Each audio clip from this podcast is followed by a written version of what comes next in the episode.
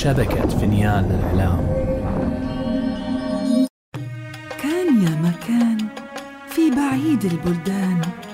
ملك يسهر ولا ينام إلا على قصص الإنس والجان.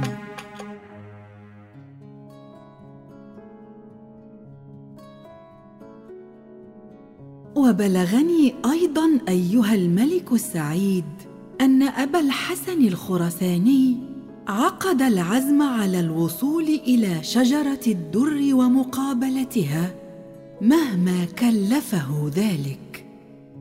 فبعدما دله وكيله الشيخ على خياطها ذهب إليه وجعل يتودد إليه بالعطايا والهدايا حتى رق قلبه له. فدله الخياط بدوره على خادم حبيبته شجرة الدر ففعل معه مثلما فعل مع الخياط. حتى رق له قلب الخادم وقرر مساعدته في الوصول إليها. فأدخله إلى دار الخليفة وألبسه بلباس الخليفة وعطره بعطره. وبخره ببخوره ثم دله على حجرة شجرة الدر وأرسله إليها إلى أن أمسكت به إحدى الخادمات قبل أن ينال مراده. من أنت؟ أناشدك الله يا مولاتي أن تحقني دمي وترحميني وتتقربي إلى الله بإنقاذ مهجتي. لا ريب انك لص. لا والله لا والله ما أنا لص. ف- ف- فهل ترين علي أثر اللصوص؟ اصدقني خبرك وأنا أجعلك في أمان. أنا جاهل جاهل أحمق. قد حملتني الصبابة وجهلي على ما ترين مني. حتى وقعت في هذه الورطة. قف هنا حتى أجيء إليك. ثم خرجت. وجاءتني بثياب خادمة من الخادمات وألبستني تلك الثياب في تلك الزاوية. تعال خلفي. فمشيت خلفها حتى وصلت إلى حجرتها. ادخل هنا. فدخلت حجرتها وجاءت بي إلى سرير وعليه فرش عظيم. اجلس.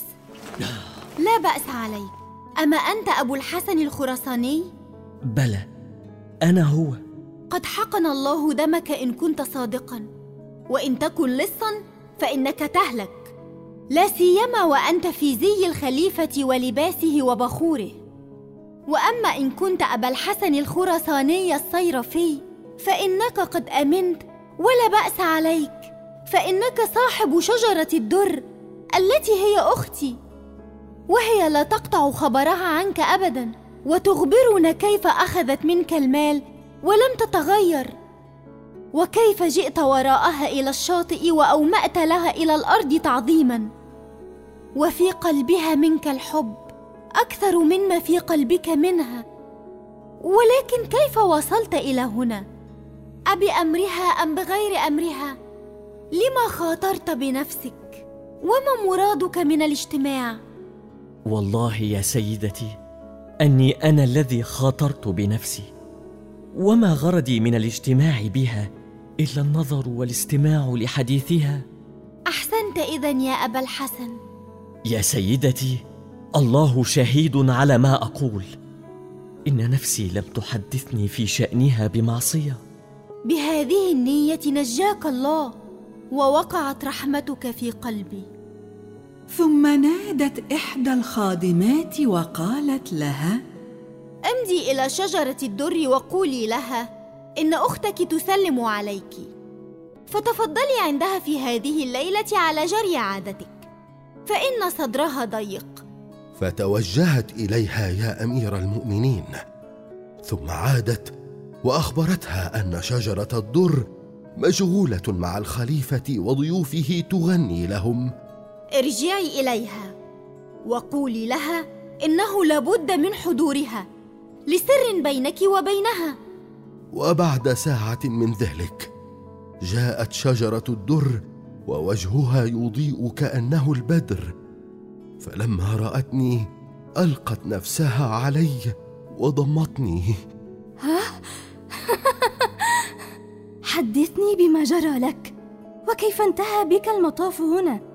فحدثتها بما جرى لي وبما قاسيته من الخوف وغيره. يعز علي ما قسيته من أجلي. والحمد لله الذي جعل العاقبة إلى السلامة وتمام السلامة دخولك في منزلي ومنزل أختي.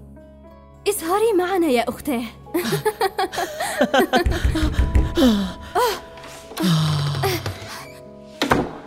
فبينما نحن في الحديث وإذا بضجة عظيمة فالتفتنا فسمعنا الخليفة قد جاء على باب الحجرة يريد شجرة الدر. فأخذتني يا أمير المؤمنين ووضعتني في سرداب وطبقته علي وخرجت تقابل الخليفة فلاقته. ثم دخل الحجرة وجلس فوقفت بين يديه وخدمته. ثم أمرت بإحضار الشراب وكان يحب غناء شجرة الدر. فأمرها بالغناء وتناولت العود وشدت الأوتار وغنت. عجبت عجبت لسعي الدهر بيني وبينها فلما انقضى ما بيننا سكن الدهر. هجرتك حتى قيل لا يعرف الهوى وزرتك حتى قيل ليس له صبر. فيا حبها فيا حبها زدني جوا كل ليلة ويا سلوة الأيام موعدك الحشر. لها بشر مثل الحرير لها بشر مثل الحرير ومنطق رخيم الحواشي لا هراء ولا نظر. وعينان قال الله كونا فكانتا فعولان بالألباب ما يفعل السحر. وعينان قال الله كونا فكانتا فعولان بالألباب ما يفعل السحر. فلما سمعها الخليفة طرب طربا شديدا. وطربت أنا يا أمير المؤمنين في السرداب ولولا لطف الله تعالى لصحت وافتضحنا. تمني علي يا شجرة الضر. أتمنى عليك أن تسرحني يا أمير المؤمنين وتدعني تدعني أعتزل الغناء. لك ذلك من الغد. أما الآن فخذ العود وقولي لنا شيئا في شأن زوجتي التي أنا متعلق بهواها. والناس تطلب رضاي وأنا أطلب رضاها. وقد قال ذلك يا أمير المؤمنين لأنه كان يحب زوجته وهي أم المعتز بالله أبيك ولكنها كانت قد هجرته وهجرها فهي لعز الحسن والجمال لم تصالحه. والمتوكل لعزة الخلافة والملك لم يصالحها ولم يكسر نفسه لها مع أن في قلبه منها لهيب النار ولكنه تشاغل عنها بأمور الخلافة فقبلت شجرة الدر الأرض بين يديه وشكرته وأثنت عليه ثم أخذت العود وأنشدت. ربه الحسن ايا ربه الحسن التي أذهبت نسكي. على كل أحوالي فلا بد لي منك. فإما بذل وهو أليق بالهوى وإما بعز وهو أليق بالملك. فتعجب الخليفة من موافقة هذا الشعر لحاله غاية العجب.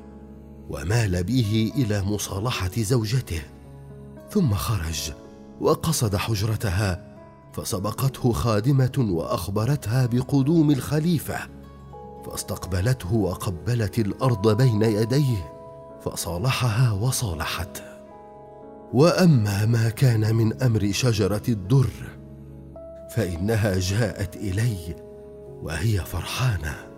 لقد اعتزلت الغناء لدى الخليفة. ولعل الله يعينني على ما أدبره حتى أجتمع بك. فبينما نحن في الحديث وإذا بخادمها قد دخل علينا فحدثناه بما جرى لنا. الحمد لله الذي جعل آخره خيرا ونسأل الله أن يتم ذلك بخروجك سالما. يا أختي كيف نعمل حتى نخرجه من القصر سالما؟ فإن الله تعالى من علي بالاعتزال. ليس لي حيلة في خروجه إلا بأن ألبسه ثياب النساء.